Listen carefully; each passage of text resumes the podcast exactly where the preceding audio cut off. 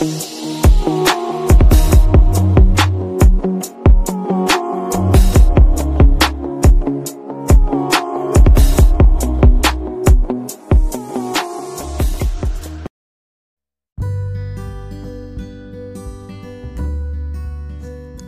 sobat pagi, terima kasih buat kamu yang masih tetap setia untuk mendengarkan podcast Selamat Pagi atau buat kamu yang baru aja masuk di podcast ini saya ucapkan selamat datang dan selamat pagi. Oke, edisi kali ini saya akan membacakan sebuah cerita dari teman uh, teman saya SMA ya tentang kehidupannya sampai dia yang sekarang eh, nggak banyak orang yang jujur dengan hidupnya dan juga menerima masa lalunya sebagai sebuah perjalanan. Dan nggak banyak juga yang mengerti dalam arti bahwa ya masa lalu itu perjalanan nggak jauh. Cuman ukurannya adalah ketika orang itu udah mulai mau jujur menceritakan sesuatu di masa lalunya dan menerima itu sebagai bagian dari perjalanan dan juga kemudian dia mampu untuk mensyukurinya itu adalah uh, menurut saya etapa orang yang bisa menerima masa lalunya. Oke, itu aja pembukaannya dan sekarang kita mulai untuk membacakan cerita pendek dari teman SMA saya.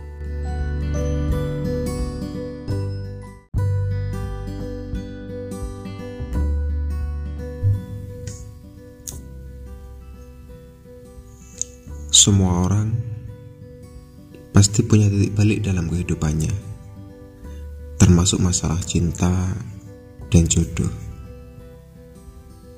Uh, just sharing mungkin di luar sana banyak yang punya pengalaman macam-macam. Di sini aku cuma mau sekedar cerita pengalamanku aja. Aku tuh pernah benar-benar sayang sama seseorang pas umur 15 tahun tapi kemudian ya gitu dicampakkan. Padahal kamu tahu sendiri kan kalau cewek bener-bener sayang itu pasti tanpa alasan. Dan itu susah banget buat dilupain.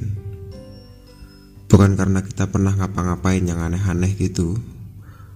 Malah kita nggak pernah sama sekali ngapa-ngapain. Pure karena sayang. Jadi sulit lupa Sampai aku udah deket sama beberapa cowok lain Tapi tetap aja Kayak nggak ada yang klik gitu Uangnya dia nih Yang kebawa aku 10 ribu Itu sampai aku simpan mulu sampai SMA Kebetulannya aku simpan itu uang, bukan foto ya. Jadi nggak kesidak pas aku SMA. Kan mondok gitu. Sampai suatu saat bukuku ketinggalan di kolong meja kelas. Dan keesokan harinya uang itu udah lenyap. Kalau ini kejadian pas banget sehari sebelum pemulangan.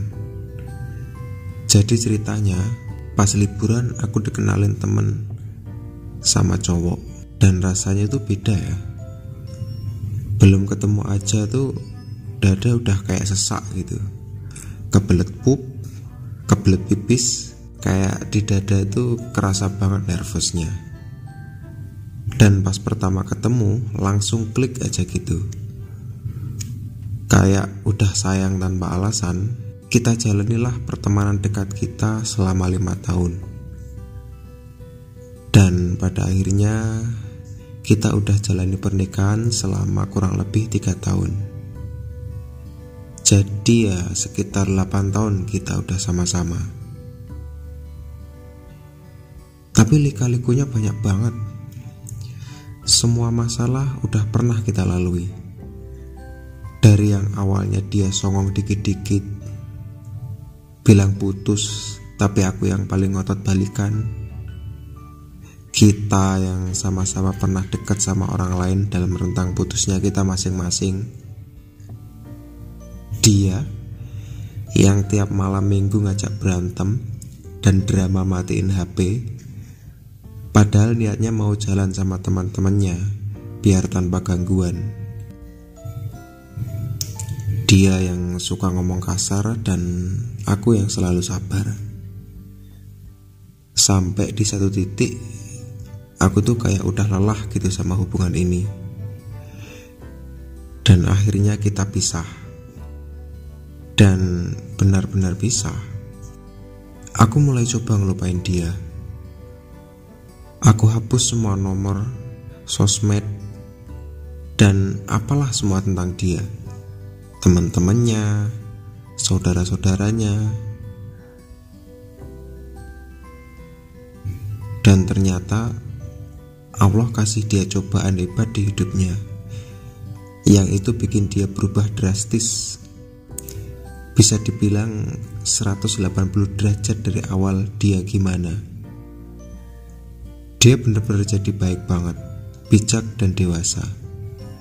Sampai pada akhirnya kita temenan lagi biasa. Berlanjut jadi teman dekat lagi dan pada akhirnya kita nikah dan punya anak. Banyak hikmah yang bisa aku ambil sih dari perjalanan hidup ini.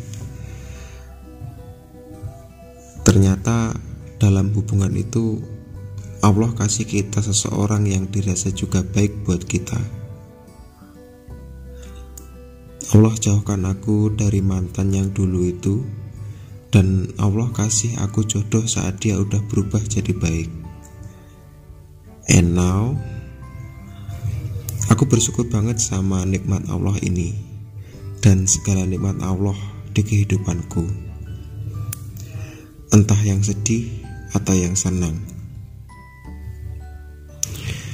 Karena di tiap kesedihan itu ada kenikmatan dan tiap kesenangan terkadang butuh kesedihan yang harus dibayar.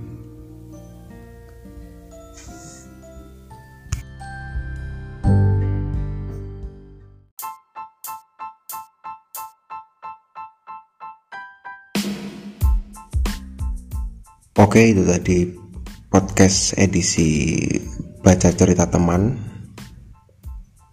Dan Buat kamu yang pengen saya membacakan ceritamu, silahkan kirim aja ceritamu lewat email yang udah tertera di bio di atas.